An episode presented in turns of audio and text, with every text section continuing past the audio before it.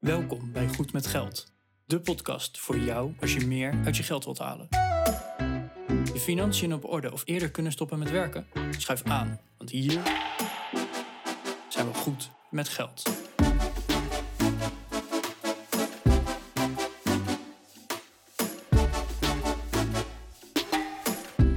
Aflevering 129 van de Goed met Geld podcast. Bas en Arjan hier weer achter de microfoons. En eh, we gaan vandaag praten over belastingen. We hebben, zoals je weet, een belastingserietje opgenomen. Een aantal afleveringen lang gaan we het hebben over allerlei belastingvormen die we in Nederland kennen. En eh, nou, wat zaken die bij ons eh, naar binnen schieten. We hebben twee weken geleden gesproken over ja, gewoon het algemene belastingstelsel in Nederland. Hoe zit dat nou ongeveer in elkaar? En vandaag gaan we het hebben over de belangrijkste belasting die er is. De inkomstenbelasting, de loonheffingen en alles wat er met box 1, 2 en 3 te maken heeft. Dus veel luisterplezier. Let op, het is geen advies. We geven geen belastingadvies. We zijn geen specialisten. We beschrijven gewoon ongeveer hoe wij de wereld zien. Uh, heb je op- of aanmerkingen? Check dan even de show notes op eh, www.goedmetgeldpodcast.nl slash 129.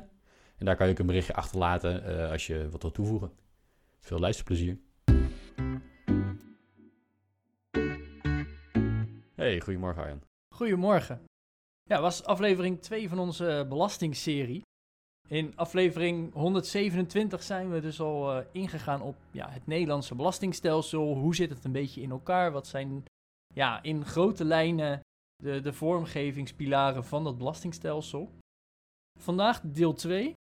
En voordat we beginnen ook weer even de disclaimer. Wij zijn geen financieel adviseurs. We hebben er uh, geen opleiding of diploma ingehaald. Dus we gaan het zo goed mogelijk uitleggen. Maar we verwijzen ook meteen al naar de show notes van vandaag. Want ja, de informatie die we geven is in principe gewoon publiek beschikbaar. En wijzigt ook nog wel eens. Zeker percentages en zo die we vandaag uh, noemen. Ja, elke Prinsjesdag worden er weer nieuwe percentages ook bekendgemaakt. En wordt er net weer aan de knoppen gedraaid. Mm. Dus uh, luister je dit ergens in uh, 2023. Check ook vooral even de actuele percentages. Want grote kans dat ze gewijzigd zijn. Maar goed, klaar om te beginnen. We gaan het vandaag in dit tweede deel hebben over loonbelasting en inkomstenbelasting. Ja, want de loonbelasting is een. Uh, ja, loonbelasting en inkomstenbelasting worden vaak een beetje door elkaar heen gebruikt. Ik, ik merk aan mezelf dat ik dat ook doe. En in de voorbereiding van dit uh, gesprek. Ja, moest ik er toch wel een beetje op letten dat ik ze niet door elkaar heen gebruik. Want er is wel degelijk een technisch verschil. Loonbelasting is een voorheffing op de inkomstenbelasting. We moeten in Nederland over het algemeen inkomstenbelasting betalen. Als je een inkomen hebt in Nederland of als je in Nederland woont en een inkomen in het buitenland hebt, dan is de kans uh, vrij groot dat je, uh, dat je inkomstenbelasting moet betalen. En uh, als je in loondienst bent en je werkgever houdt maandelijks alvast een bedrag voor jou in, dan noemen we dat stukje de loonbelasting. dus als jij een, weet ik veel, je hebt een salaris van 2500 euro en er wordt 700 euro naar de belastingdienst overgemaakt elke maand, waardoor jij 1800 euro netto op je rekening krijgt, dan is die, die 700 euro die naar de belastingdienst gaat, dat is een loonbelasting. Aan het einde van het jaar uh, moet jij aangifte inkomstenbelasting doen. Daar komt uit, hey, je hebt in een jaar tijd zoveel verdiend. We vinden dus dat je zoveel inkomstenbelasting moet betalen. Je hebt al een loonbelasting betaald, A, een bepaald bedrag. En het verschil, dat, uh, dat krijg je terug of moet je bijbetalen. Dus dat is denk ik wel even goed om, uh, om het over te hebben. Ja, vorige keer dat we het over belasting hadden, twee weken geleden, zeiden we dat er eigenlijk verschillende beginsels, beginselen zijn waar belastingheffing op gebaseerd is. En de inkomstenbelasting is echt een, uh, een belasting die gaat over het beginsel van draagkracht. Dat betekent, uh, de draagkracht uh, zegt eigenlijk van, als je meer draagkracht hebt, moet je meer bijdragen. Als je wat meer verdient, moet je meer betalen. De sterkste schouders dragen de zwaarste lasten. Nou, de inkomstenbelasting is daar dus, dus helemaal in doorgevoerd. En dat zie je bijvoorbeeld in de basistarieven van de inkomstenbelasting. Je hoort wel eens hè, van de inkomstenbelasting is 37% of 52% vroeger. Tegenwoordig is die hoogste schaal 49,5% geloof ik. En dat betekent dus eigenlijk in feite dat als je meer inkomen hebt, je over dat hogere inkomen meer belasting moet betalen dan iemand die wat minder inkomen heeft. Merk je dat in de praktijk, Arjan? Ben je wel eens uh, door die grens heen gegaan dat je ineens dacht van nee shit, ik moet nu ineens uh, meer belasting gaan betalen over die extra euro die ik verdien? Um, uh, niet op basis van mijn jaarinkomen, wel op basis van mijn vakantiegeld. Maar daar gaan we het zo nog even over hebben. Nou, daar komen we later even op terug inderdaad. Dat is wel een, dat is wel een leuke. Dat is ook een beetje een pet peeve van Arjan om het daarover te hebben. Ja, dat vind ik gewoon leuk om, om nog een keer uit te leggen. Maar goed, jaarlijks moet jij je, je belastingaangifte doen. En dan wordt er altijd gesproken over box 1, 2 en 3. En dat is, het gaat dan om je inkomstenbelasting, box 1, 2 en 3. Uh, dus die gaan we vandaag ook lekker gewoon af. Laten we gewoon beginnen met box 1, Bas. Want uh, Ja, het is zo raar om met box 3 te beginnen. Over box 3 wordt al veel gesproken natuurlijk, maar we gaan met box 1 beginnen. Ja, box 1 is eigenlijk gewoon het algemene inkomen uit werk of uit je AOW of uit je pensioen. Heb je een eenmanszaak of een VOF, dan is de winst die uit jouw bedrijf komt, uh, hoort ook bij box 1. Heb je overige werkzaamheden, zoals uh, Bas en ik. Hè? Wij hebben een podcast en uh, daar verdienen we af en toe een klein beetje mee. Dat zijn overige werkzaamheden, telt ook voor box 1 mee. En nou, bij box 1, daar staat wel meer op bij box 1, want bijvoorbeeld jouw woning, waar je zelf in woont, dat is wel even belangrijk. Want als je vastgoed hebt en andere woningen, dan tellen die niet over het algemeen voor box 1. maar jouw eigen woning waar je in woont, als dat een eigen woning is, dan telt die er ook voor. En daardoor komen er ook wat aftrekposten, zoals bijvoorbeeld de hypotheekrenteaftrek, die kan er zomaar uh, daar tevoorschijn komen. Heb je donaties gedaan aan een goed doel, dan komen die daar ook uh, tussen te staan.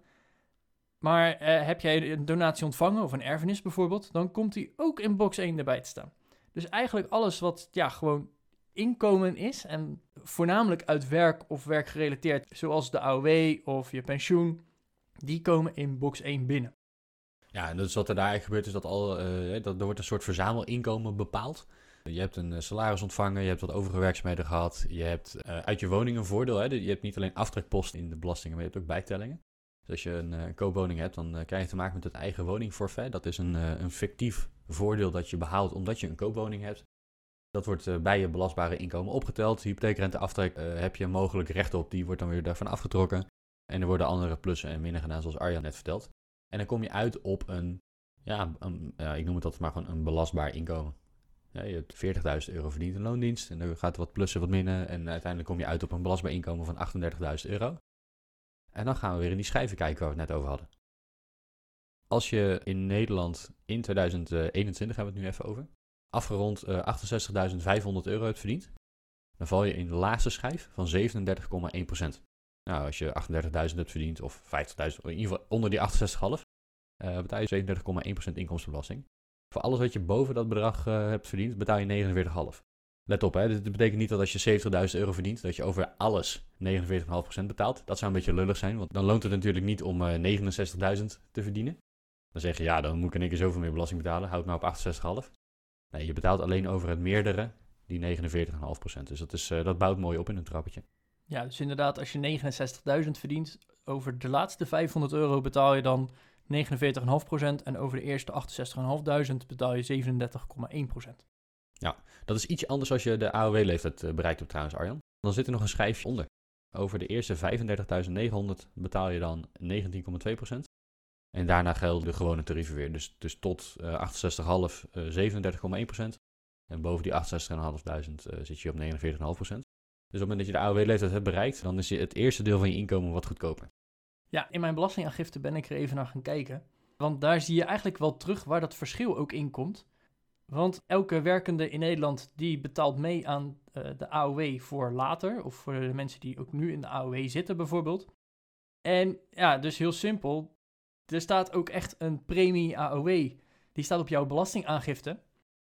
En uh, heel toevallig is dat het verschil tussen die 19,2 en 37,1 procent. Hm. Dus wat er dus eigenlijk gebeurt is op het moment dat je met pensioen gaat of dat je AOW ontvangt, hoef je niet meer de premie voor de AOW te betalen. Makes sense. En daar komt dat verschil dus ook vandaan. Ja, ja oké, dus dat, dat, is wel logisch natuurlijk dat ze daar een onderscheid in hebben gemaakt. Ja, het zou wat gek zijn als je AOW ontvangt en je moet daarover nog je eigen premie voor de AOW betalen. Dat zou vreemd zijn, ja. Maar goed, dit is slechts het begin. Hè? Dus we hebben het gehad over, nou, als je meer verdient, dan moet je meer belasting betalen. Nou, in Nederland is de inkomstenbelasting onderverdeeld in box 1, 2 en 3. Box 1, daar zit over het algemeen eh, het inkomen uit werk en je woning. En ja, die tarieven erin, die zijn dus 37,1 en 49,5 procent. Maar dat is niet helemaal waar, want als je weinig verdient, als je ruim onder die grens zit van die 68.500 euro, dan betaal je effectief veel minder dan die 37 procent. Dat is natuurlijk wel prettig. We hebben een, eh, een mooi progressief stelsel in Nederland. Ik ben daar wel een voorstander van. Ik vind dat best een eerlijk systeem, eh, moet ik zeggen. Er valt ook wel wat voor te zeggen voor een vlak tarief. Maar aan de andere kant is een progressief stelsel ook wel... Uh, het, is wel mooi dat mensen die echt weinig verdienen... en dan bedoel ik niet uh, dat je modaal verdient... en iemand anders verdient twee keer modaal... dus we vinden één keer modaal uh, misschien weinig. Nee, dan bedoel ik echt als je echt op een, op een minimumloon zit... en misschien wel zelfs parttime op een minimumloon... ja, dat je dan ook gewoon wordt ontzien en dat je dan veel minder inkomstenbelasting betaalt. Dat is, dat is denk ik best een, een mooi systeem. Je krijgt namelijk allemaal ja, kortingen. Of je, je kunt recht hebben. Meestal heb je recht op, op best wel wat kortingen. Dat noemen we heffingskortingen. En dat betekent dat de, ja, de eerste euro's die je verdient als het ware, daar gaat die teller meteen lopen. Hè? Dus dan moet je meteen die 37,1% belasting betalen. Alleen je krijgt vervolgens wat heffingskortingen op die belasting, waardoor de effectieve belastingdruk lager wordt. In Nederland is dat zo dat je op dit moment tot ongeveer 8.700 euro geen inkomstenbelasting betaalt. Dus verdien je maar iets van 8.000 euro in een jaar tijd, of is je box 1 belastbare inkomen rond de 8.000 euro, betaal je helemaal geen inkomstenbelasting. Dat is best wel mooi meegenomen. Je hoort het vaak hè, van studenten die dan uh, een bijbaan hebben en uh, gewoon geen belasting hoeven te betalen. Want alles wat ze verdienen, ja, dat wordt belast. Dat, uh, via die heffingskorting wordt dat weer, weer weggestopt. En bruto en netto zijn dan aan elkaar gelijk. Zullen we even twee van die meest belangrijke heffingskortingen erbij pakken, Arjan? Is dat, een, is dat leuk? Ja, lijkt me goed. Nou, we gaan ze niet allemaal noemen. Ik wil, um, dat is even voor de luisteraar. We, we, zijn er best wel ingedoken in hoe de, uh, hoe de inkomstenbelasting in Nederland werkt. Nou, je krijgt dan als eerste online zo'n wetboek te zien. Dan denk je, oké, laat dat maar zitten, want uh, ik ben in elk geval geen jurist. Arjan is, uh, hij zegt dat hij geen jurist is, dus ik, ik geloof dat wel. Als je het wil nalezen wat precies de, de tekst van de wet schrijft, je kunt online de wetboeken vinden. We proberen hier een beetje een samenvatting te geven. Maar goed, die heffingskortingen. Je hebt eigenlijk de twee belangrijkste heffingskortingen die we kennen. zijn de algemene heffingskorting en de arbeidskorting. En die algemene heffingskorting die krijg je als je in Nederland hebt gewoond in dat betreffende belastingjaar. Ik meen dat hij ongeveer 2800 euro is, die korting, bij inkomens tot 21.000. En als je boven de 21.000 euro uh, inkomen uitkomt, tot 68,5, tot de grens van die hoogste schijf, dan wordt die korting een beetje afgebouwd. Dat betekent dus dat je, uh, als je 21.000 euro verdient en je moet daar een bepaald belastingbedrag over gaan zitten betalen, dan mag je daar 2800 euro van aftrekken. Dat is best wel lekker. Je kunt overigens niet onder de nul uitkomen. Hè. Dus eh, de minimale belasting die je betaalt is, uh, is nul. Je, kunt, uh, je gaat niet terugkrijgen. En op het moment dat je wat meer gaat verdienen, hè, van 21.000 tot 68.000, dan wordt die korting afgebouwd. dat betekent effectief dus dat als je minder verdient, dat je minder inkomstenbelasting betaalt. Als je meer gaat verdienen, ga je het meer betalen. Maar dat gaat dus niet in van die grote stappen van 0 naar 68.000 en daarboven. Nee, dat, dat wordt echt een, een, nou, wordt een soort glijdende schaal. Ga je steeds, steeds een beetje meer richting die normale tarieven toe. Als je de AOW-leeftijd hebt bereikt, overigens is die korting lager. Dan is die namelijk uh, ongeveer de helft. En dat heeft er denk ik ook weer mee te maken met wat Arjan net vertelt. Dat je die premies niet meer betaalt en daar dus ook die korting niet over krijgt. Tja, ja, en naast die algemene heffingskorting heb je ook nog een, uh, een arbeidskorting. En ja, die heel simpel, als je werkt dan krijg je die arbeidskorting. Zo komt het uh, eigenlijk neer. Maar er zitten, ja, die, die, formule, we hebben het geprobeerd, maar die is echt knijten lastig. Nou, de formule is niet heel moeilijk. Alleen er zitten allemaal verschillende stapjes in en verschillende percentages bij. Kleine stapjes van extra, extra inkomen en dat is gewoon niet te doen. Ja, er zitten heel veel haken en ogen aan. Google eens op arbeidskorting en dan, uh, dan vind je de tabel wel. Ja, maar waar het op neerkomt, hè, de, tot een bepaald bedrag krijg je daar ook gewoon dat volledige bedrag aan arbeidskorting. Uh, verdien je meer dan dat bedrag, dan gaat er steeds meer, uh, gaat er steeds een beetje arbeidskorting af. Nou, daardoor komt het dus erop neer dat op het moment dat jij eh, meer gaat verdienen, dat je minder korting krijgt. Nou, dan komen we ook meteen weer bij dat uh, vakantiegeld uit, Bas. Want uh, deze twee kortingen, die worden eigenlijk meegenomen in jouw maandelijkse salaris. Dus op het moment dat jij jouw salaris krijgt, dan zegt de, zegt de Belastingdienst volgens die berekening, hey, daar moet je 37,1% belasting over betalen. En dan wordt gezegd, ja, maar die persoon heeft ook recht op arbeidskorting, op algemene heffingskorting. Dus daar komt een bedrag van terug. Nou, wat ze dan doen is alvast even berekenen van oké, nou 12 keer dat uh, maandinkomen, dat is jouw jaarinkomen. Op basis daarvan krijg jij dat bedrag aan korting. En dat wordt dan ook weer verdeeld over die 12 maanden. Ja, waardoor het eigenlijk dus is, je krijgt je bruto salaris min het uh, belastingbedrag, min die 37,1%, plus 1 twaalfde van de korting die je zou krijgen over dat jaar. En uh, nou, dat wordt dus om, om en nabij jouw loon. Er zitten wat meer dingen op jouw salarisstrook. Daar hebben we het al eerder over gehad. Maar goed, dat wordt dus alvast voor je verrekend, zodat je niet nu heel veel moet betalen en straks een smak geld terugkrijgt. Nee, dat wordt gewoon lekker elke maand al een beetje gedaan. En dan kom ik weer bij dat vakantiegeld, want vakantiegeld wordt hier niet in meegenomen. Dus die korting die je krijgt wordt gebaseerd op 12 keer jouw maandinkomen. Als je dan opeens een, een smak geld krijgt, hè, dat vakantiegeld, dan wordt jouw inkomen opeens een stuk hoger, waardoor jij minder recht hebt op eventuele kortingen. Ja, en dan kom je dus echt gewoon op 12% minder korting wat je op elke euro krijgt. Uh, plus nog eens die 37,1% belasting die je moet betalen. Hm. Dus uh, hè, dan lijkt het opeens alsof jij 49,1% belasting daarover moet betalen. Ja, dat, hè, dat, zo voelt het. Het is niet zo, je krijgt gewoon minder korting. Maar goed, uiteindelijk, het komt om en nabij neer op 12% voor elke euro die je meer gaat verdienen. Uh, die je dus minder korting krijgt. Ja, dat is best wel veel. Ja, dat is zeker best wel veel. Maar ja, dat, hè, de, wat we zeggen, de grootste schouders dragen het meeste. Dus uh, mensen die gewoon minder verdienen, die betalen dus echt wel aanzienlijk ook minder belasting. Ja, ja.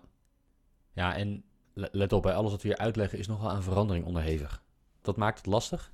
Die tarieven die, uh, die worden elk jaar een beetje aangepast. De minister doet een, uh, een voorstel voor een, uh, voor een belastingwijziging. Die wordt door de Tweede Kamer goedgekeurd en die wordt volgens door de Belastingdienst uitgevoerd. En dat betekent dat wat wij nu uitleggen en de bedragen en de percentages die wij nu noemen, die zijn geldig voor 2021. In 2020, vorig jaar, waren ze ietsje anders. Niet heel veel anders gelukkig. Er zijn geen hele enorme wijzigingen, meestal van jaar op jaar. Maar door de tijd heen hebben we best wel grote wijzigingen gehad. Het toptarief dat we nu hebben is 49,5%. Ja, op het hoogste deel van je inkomen. Dat is heel lang 52% geweest. Ik ben opgegroeid met het idee, als je veel geld verdient, betaal je 52% belasting. Maar vroeger, vroeger, heel lang geleden, echt vroeger in, uh, in 1980 of tot 1980 ongeveer, hadden ze een, uh, een toptarief op de inkomstenbelasting van 72%. Zo. Moet je nagaan. Dan kom je boven een bepaald, ik weet niet hoeveel je moest verdienen om daar boven te komen. Uh, maar dan kom je boven dat bedrag uit en elke euro, nou, destijds elke gulden die je verdiende, mocht je 72 cent van wegbrengen. Ah, dat is wel heel grof. Dat is echt wel, uh, dat is echt wel hard. En dat werd op een gegeven moment naar 60% uh, verlaagd en op een gegeven moment die 52%. Maar zo zie je maar dat ja, dat belastingstelsel dat kan best wel veranderen.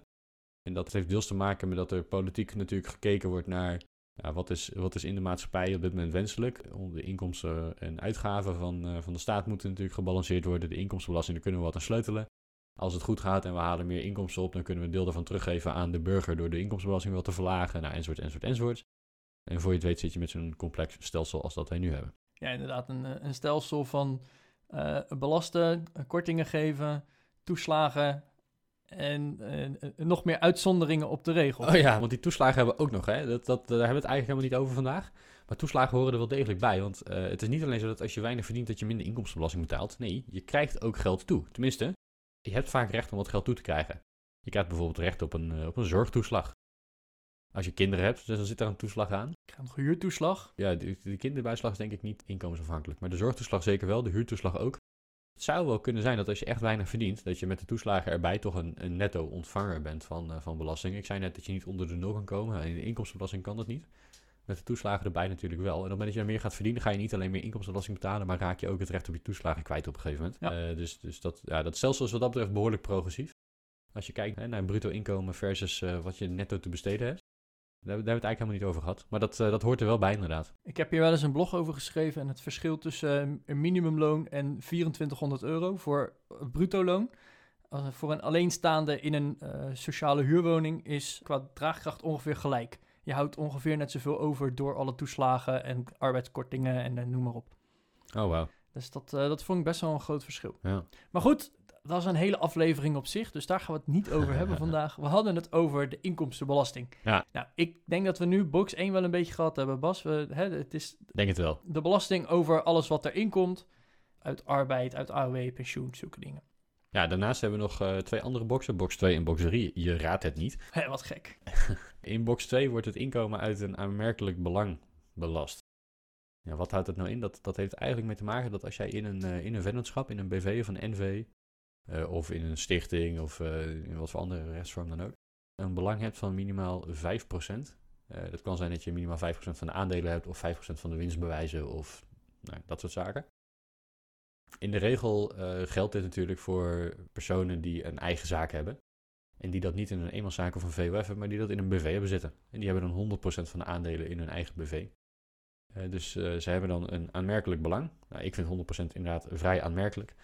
Um, een aanmerkelijk belang is vanaf 5% dus. Dat is wel een mooi detail. Ik ken iemand die, is, uh, ja, die, die, die werkt ergens en die is uiteindelijk mede-eigenaar geworden. Die heeft een stukje van de aandelen gekocht van zijn, uh, van zijn werkgever en die heeft 4,99% gekocht.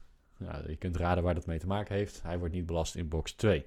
Uh, de aandelen die hij heeft in dat, in dat bedrijf, die vallen natuurlijk gewoon netjes in box 3. Gaan we het straks over hebben. Vanaf 5% word je dus in, uh, in box 2 belast. En je wordt belast over het voordeel dat je hebt als je een aanmerkelijk belang in zo'n bedrijf hebt. Stel je hebt meer dan 5% van de aandelen in een BV. Die BV die maakt winst. Dus je heeft uh, omzet gehad, je heeft kosten gehad, salarissen betaald en de huur en noem het maar op. En dan blijft er onderaan een beetje winst over. En dan zeggen ze, nou, laten we die winst uitkeren aan de eigenaren. Dat is een dividenduitkering. We hebben het al eens over dividend gehad. Als je gewoon op de beurs belegt in aandelen, dan krijg je dividend. Op de beurs zal je weinig uh, personen tegenkomen, denk ik, die een aanmerkelijk belang hebben in openbaar verhandelbare aandelen. Als je meer dan 5% in uh, Shell hebt of in Apple, dan ben je misschien niet helemaal de doelgroep voor deze podcast. Maar als jij een, uh, als je een eigen zaak hebt, of met een compagnon een, een, bedrijf hebt, je hebt meer dan 5%, je gaat dividend uitkeren, dan ontvang jij inkomen, een winstuitkering uit je eigen zaak. En die wordt belast in box 2.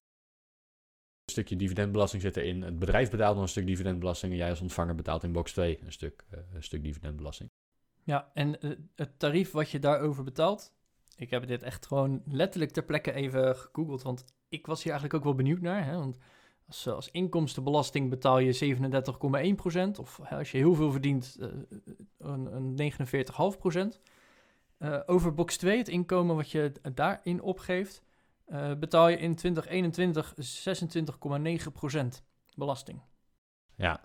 ja, let wel, dat betekent niet dat die helemaal super gratis is of uh, veel goedkoper is dan de inkomstenbelasting. Want je betaalt natuurlijk belasting over de winst die wordt uitgekeerd. Nou, de BV eh, betaalt ook een stukje inkomstenbelasting. die mag je verrekenen als het je eigen BV is. De BV houdt een stuk dividendbelasting in als ze dividend naar jouw privé overmaken. Vervolgens moet jij in privé die 26% betalen en die wordt dan vervolgens verrekend met wat de BV al heeft betaald. Hè. Dus, dus die dividendbelastingdruk is 26%. Maar over de winst die je hebt gemaakt, uh, betaalt de BV ook al een uh, vennootschapsbelasting. Daar gaan we het in een latere aflevering van deze belastingserie over hebben. Uh, die is voor kleinere BV's 15% en daarboven, ik meen 22% of iets, iets in die richting. In ieder geval voor de meest voorkomende BV's van, van kleine bedrijven is die 5, volgens mij volgend jaar 15%, dit jaar 16,5%, iets in die richting. Uh, dus als je die twee bij elkaar optelt, dan betaal je natuurlijk eigenlijk uh, ja, de winst na belasting, die ga je uitkeren. Dus je gaat 85% van je winst uitkeren en daar wordt 26% belasting over gegeven. Kom je weer ergens rond die 40% netto belastingdruk uit. Dus het is interessant om dividenden te gaan uitkeren uit je eigen bedrijf als je qua inkomen in een veel hogere cijfer zit en 49,5% inkomstenbelasting betaalt. Ja, maar daar gaan we het dus later nog wel een keertje over hebben. Daar gaan we het later over hebben. Maar dit is in ieder geval een van de voordelen die je hebt in box 2 op het moment dat je een aanmerkelijk belang hebt. Er is nog een ander voordeel dat je kunt hebben en dat is namelijk als je je aandelen verkoopt en daar winst op maakt. Dat is logisch hè? Ja, uh, vrij logisch. Op het moment dat je aandelen in een BV, als jij, ja, als jij aandelen in een BV hebt en je verkoopt die BV aan iemand anders, uh, en je maakt daar winst op, ja, dan, uh, dan is dat ook een, een, voordeel dat je hebt in box 2. In de praktijk zal dat niet zo heel vaak voorkomen, omdat je uh, als ondernemer met een BV richt je vaak twee BV's op. Een, een holding en een werkmaatschappij. Die holding die bezit jij privé, die werkmaatschappij die zit in de, in de holding. En als je het bedrijf verkoopt, verkoop je vaak de werkmaatschappij. Dan komt die winst in de holding terecht. En dan heb je daar privé geen belastingdruk op. Maar het, het, kan voorkomen dat je aandelen verkoopt. Zoals iemand die zich gewoon inkoopt in het bedrijf waar die werkt ja, die zal, uh, als die meer dan 5% inkoopt en op een gegeven moment weer uit dienst gaat zijn aandelen weer terugverkoopt, dan heb je kans dat je daarmee te maken krijgt. Ja, was, en dan als laatste hebben we natuurlijk nog box 3. En ja, box 3, daar zijn we eigenlijk, daar hebben we het, tenminste, over het onderwerp waar, wat er in box 3 voorbij komt, hebben we het best wel vaak. Hè? Want, ja, zeker. Ja, sparen en beleggen. Sparen en beleggen, hè? goed met geld zijn. Uh, geld overhouden, zorgen dat er een, een buffer is en noem maar op. Ja, en box 3, dat is dus eigenlijk de belasting die je betaalt over je vermogen wat je hebt. Uh, de Belastingdienst gaat ervan uit dat jij een voordeel behaalt uit vermogen wat je hebt. Nou is dat niet meteen de eerste euro, want hè, de eerste euro die, ja, die, die moet gewoon op de spaarrekening staan voor wat als uh, er iets gebeurt.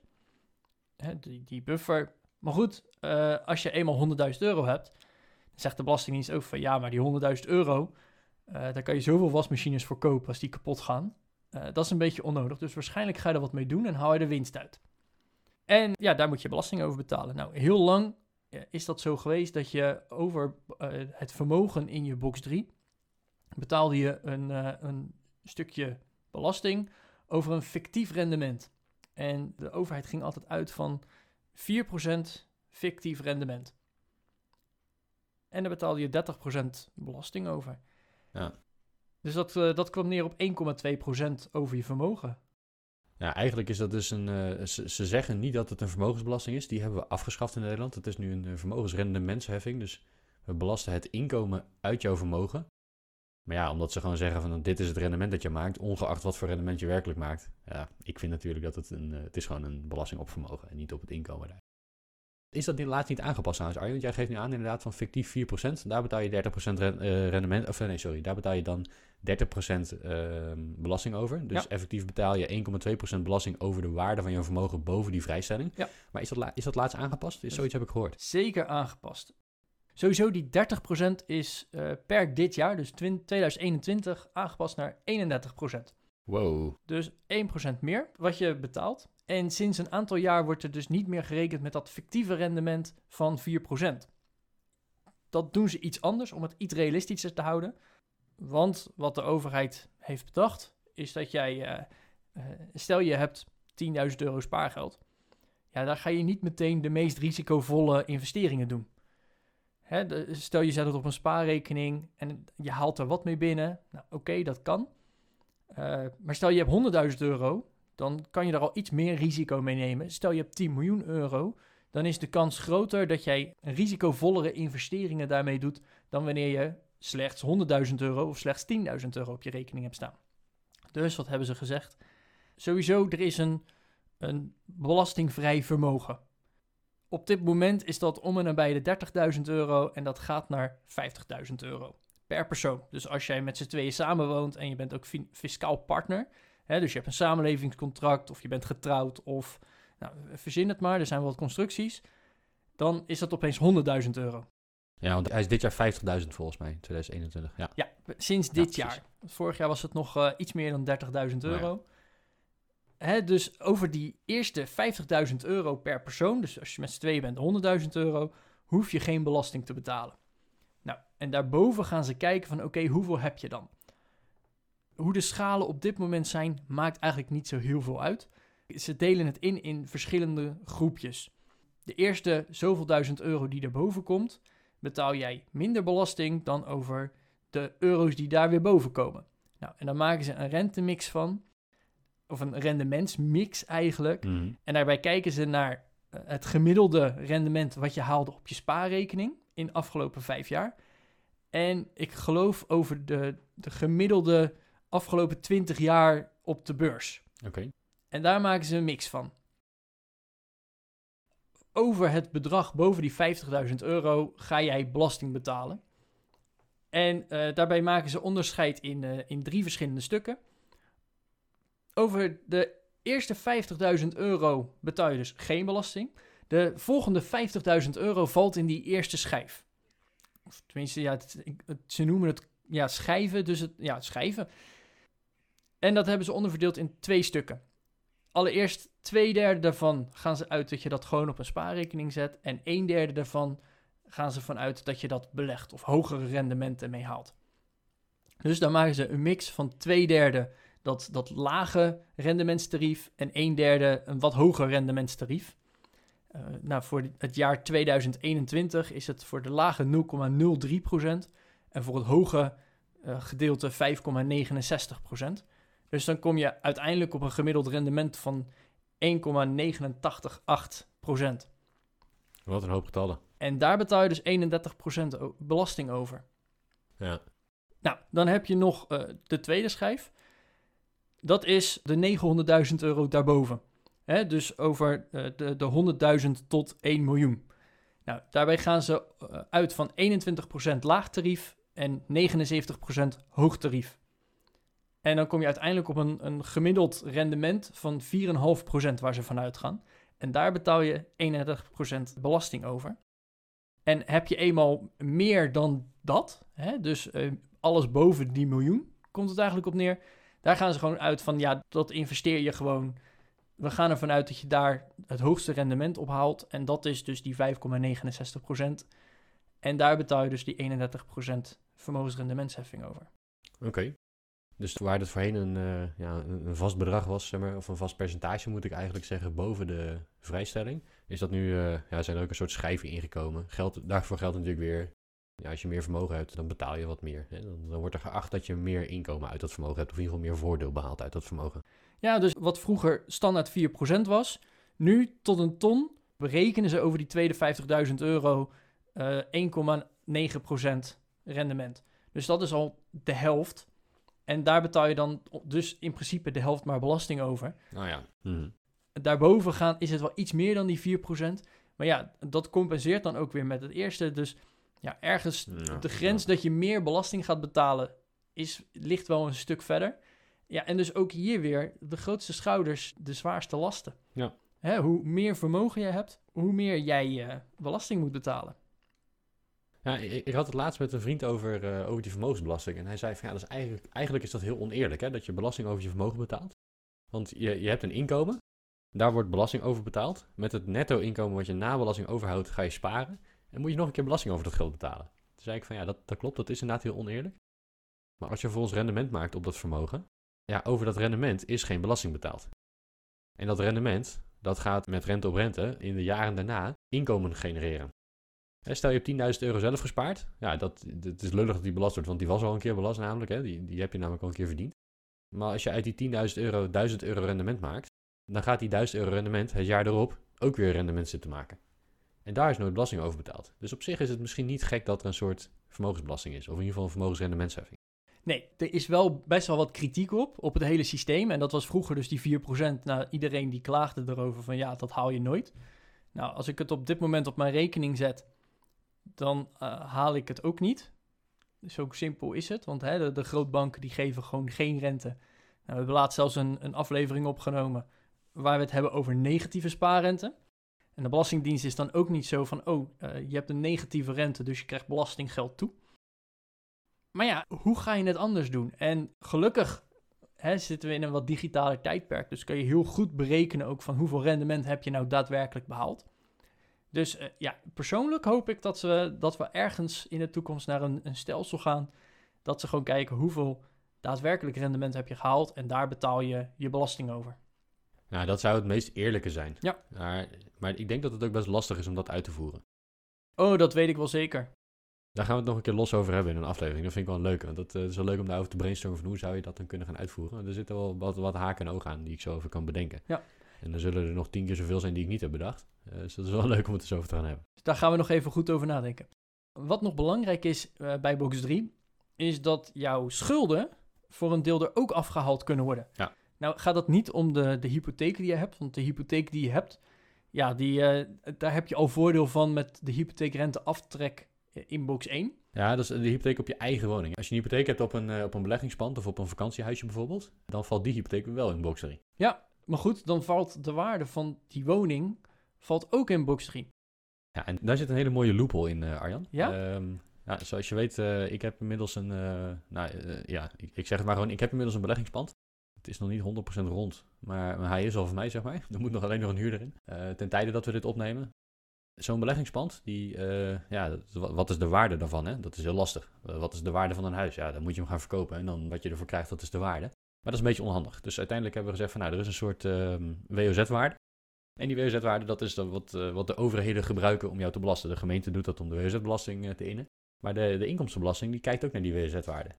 Alleen de grap is dat de WOZ-waarde natuurlijk altijd een beetje achterloopt op de werkelijke woningprijzen. Dus mijn WOZ-waarde is veel lager dan wat het pand werkelijk waard is. Ja. Maar ik hoef niet eens je hele WOZ-waarde op te voeren. Een beetje afhankelijk van hoeveel huur je vraagt, kan je nou ja, een, een percentage van de WOZ-waarde opvoeren. En ik geloof dat ik ergens op de 0,8 kom, op, op 80% van de WOZ-waarde. Zo, Dat verlaagt ineens je belastingdruk in box 3 behoorlijk. ja. Nou, volgens mij moeten we het hier in een, een losse aflevering nog even goed over hebben hoe dit nu precies zit. Nou ja, we een box 3 special maken. Ja, want we gaven aan het begin al aan, wij geven geen financieel advies. Nee, 100% niet. Doe niet wat ik doe. Als we het hierover gaan hebben, dan moeten we dit even goed voorbereiden. Maar Nou, doe niet wat wij doen. hoe het in principe werkt, stel je hebt een vakantiehuisje en dat ding is een ton waard. Hè? En, en hoe de Belastingdienst eraan komt, dat maakt dan ook even niet uit. 100.000 euro. En er staat nog een hypotheek op van 80.000 euro. Nou, die mag je tegen elkaar wegstrepen. Ja. Dus uiteindelijk komt dat neer op een vermogen van 20.000 euro. Wat er bij jouw box 3 bij komt. Ehm, ja, dus zo simpel is dat eigenlijk gewoon. Ja, let daarbij op, hè, als jij een, eh, gewoon een consumptieve schuld hebt. Eh, je hebt eh, ergens, weet ik veel, 10.000 euro geleend voor een studie of zo, waarbij je niet onder het studiestelsel valt. Dan, dan telt dat ook mee. Hè? Dus eigenlijk tellen alle schulden boven je eigen woningschuld mee in box 3. Maar ze moeten wel boven een bepaalde drempel zitten. Eh, dus als jij eh, 500 euro van iemand hebt geleend, ja, die mag je niet, eh, niet als aftrek eh, opvoeren in box 3. Die drempel is 2000 euro of iets dergelijks. Dus voor de meeste schulden geldt eh, dat je ze in box 3 eh, gewoon kan opvoeren. Ja, en natuurlijk moet het ook gewoon op papier staan. Hè? Dus als ik nu Bas 500 euro leen, Ja. van joh, hier alsjeblieft, dat telt ook niet. Nee, precies. Dus je moet dan wel inderdaad een briefje maken met eh, ik Arjan leen aan jou Bas. eh, vijf, nou, 500 is sowieso te weinig, maar 5000 euro. En eh, we beloven dat, dat we over en weer rente gaan betalen en terugbetalingen doen en enzovoort, enzovoort, enzovoort. Die afspraken zet je netjes op papier. En dan mag ik als degene die, die de lening aangaat, dan heb ik in één keer 5000 euro op mijn, op mijn spaarrekening staan. Die heb ik van Arjan gekregen. Dus ik zou er eigenlijk belasting over moeten gaan betalen in box 3. Maar ik mag ook die 5000 euro schuld die ik heb weer in, in mindering brengen daar. Ik ben nog even in de gegevens gedoken. Het, eh, de drempel is in 2021 3200 euro per persoon. Ah, oké. Nou, dan is hij iets hoger. Dus bij eh, fiscaal partners moet het dus hoger zijn dan 6400 euro. Oké, oké. dus voor kleinere schulden telt hij eh, telt Nee, niet mee. dan heb je Die dik mag, je niet, die mag je niet opvoeren. Oké, Maar goed, nou, die, goed. Hè, stel, jij hebt dus een, een schuld of een lening nog ergens extra van 10.000 euro. Dan mag je die dus van jouw vermogen aftrekken. Dus nou, stel je hebt 55.000 euro. Gewoon op je rekening cash. Hè, dat eh, is lekker makkelijk. En je hebt ook nog een schuld van 10.000 euro. Nou, normaal zou je zeggen, hey, die 55.000 euro, dat is 5.000 euro. Boven de grens eh, van belastingvrij vermogen, dus over die 5.000 euro, moet je vermogensrendementsheffing betalen. Ja, maar je hebt dus nog een schuld van 10.000, dus komt je uiteindelijke vermogen op 45.000 euro. En heb je, kom je dus helemaal niet boven die grens uit. Nou ja, Of het slim is, dat is natuurlijk wat anders. Hè? Want over die 10.000 euro moet je weer rente betalen en je hebt op je rekening staan. Nou, dat, eh, ja, ik, ik- ja, we- nogmaals, nog even geen advies, maar ik denk niet dat het slim is om geld te gaan lenen zodat je minder vermogensbelasting betaalt. Ik kan me niet voorstellen dat dat de oplossing is. Maar ja, doe er wel je voordeel mee. Hè? Stel je hebt een vermogen dat boven die vrijstelling zit, je bent even vergeten om zijn schuld op te voeren. Dat is gewoon zonde. ja, helemaal eens. Nou, even, even resume. We hebben het gehad over de inkomstenbelasting. Ehm, die bestaat uit eh, drie boxen. Box 1 voor eh, nou ja, inkomen uit werk over het algemeen en, eh, en je woning. Box 2 als je een aanmerkelijk belang in een bedrijf hebt. En box 3 als je vermogen hebt. Ehm, de loonbelasting die geldt als een soort voorheffing op de inkomstenbelasting. Dus als je in loondienst bent en jouw werkgever houdt op jouw salarisstrookje al rekening met het feit dat je belasting betaalt. Dan, dan noemen we dat de loonheffing en geen inkomstenbelasting. Ehm, en ja, die, die is niet altijd nauwkeurig. Het kan zijn dat je te veel loonheffing eh, eh, om je oren krijgt.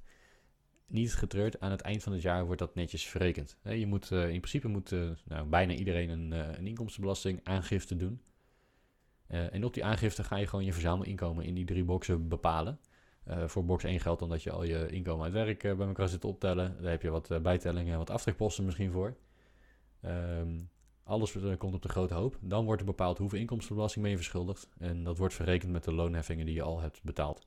Dus mocht je ja, te veel belasting betalen omdat je een bonus hebt gekregen, omdat je eh, één maand hebt gehad waarbij je meer werkte, waardoor je meer verdiende, omdat je vakantiegeld hebt gekregen enzovoort. Ja, daar betaal je op dat moment misschien iets te veel belasting over. Einde van het jaar, alles op de grote hoop. Het wordt weer netjes verrekend en je betaalt precies wat je moet betalen. Eh, dus dan is de kans groot dat je een stukje terugkrijgt.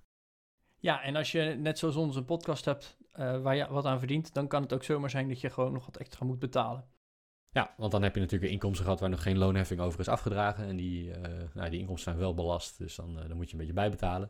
Maar goed, onderaan de streep, alle plussen en minnen bij elkaar. Er komt gewoon een bedrag uit dat je of terugkrijgt of moet betalen. Inderdaad. Nou, beste luisteraar, vond je dit leuk of wil je hier meer over weten? Natuurlijk hebben we onze show notes van vandaag, die staan op onze website. Check die even, daar nemen we ook wat linkjes in op eh, waar je welke percentages kan vinden. Natuurlijk de website van de Belastingdienst, Eh, maar volgens mij waren er nog wat meer. Vond je dit leuk en wil je ons ondersteunen? Nou, dat kan natuurlijk. Volg ons. Dat is eh, gewoon de follow-knop in jouw podcastplayer.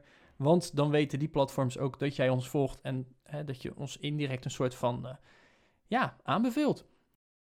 En dat we, gaat dan mee in die algoritmes, dus dan komt hij ook bij anderen naar boven. Heb je nou een vraag eh, over deze aflevering of wil je reageren? Stuur ons gerust een mailtje, goedmetgeldpodcast.nl slash contact. Via Instagram, goedmetgeld. En zeg je van, nou, hey, eh, in de vorige aflevering hebben jullie een aantal belastingonderwerpen genoemd, maar die ene mist nog stuur hem gerust op, hè, want eh, wij zitten er lekker in. Wij vinden het zelf ook heel interessant van, hey, hoe zit het nou? Dus als we nog wat extra uit moeten zoeken, ja, be our guest en mail ons. Want dan kunnen wij ook alleen maar weer nieuwe, toffe content maken. En met dat gezegd hebbende, tot volgende week. Tot volgende week.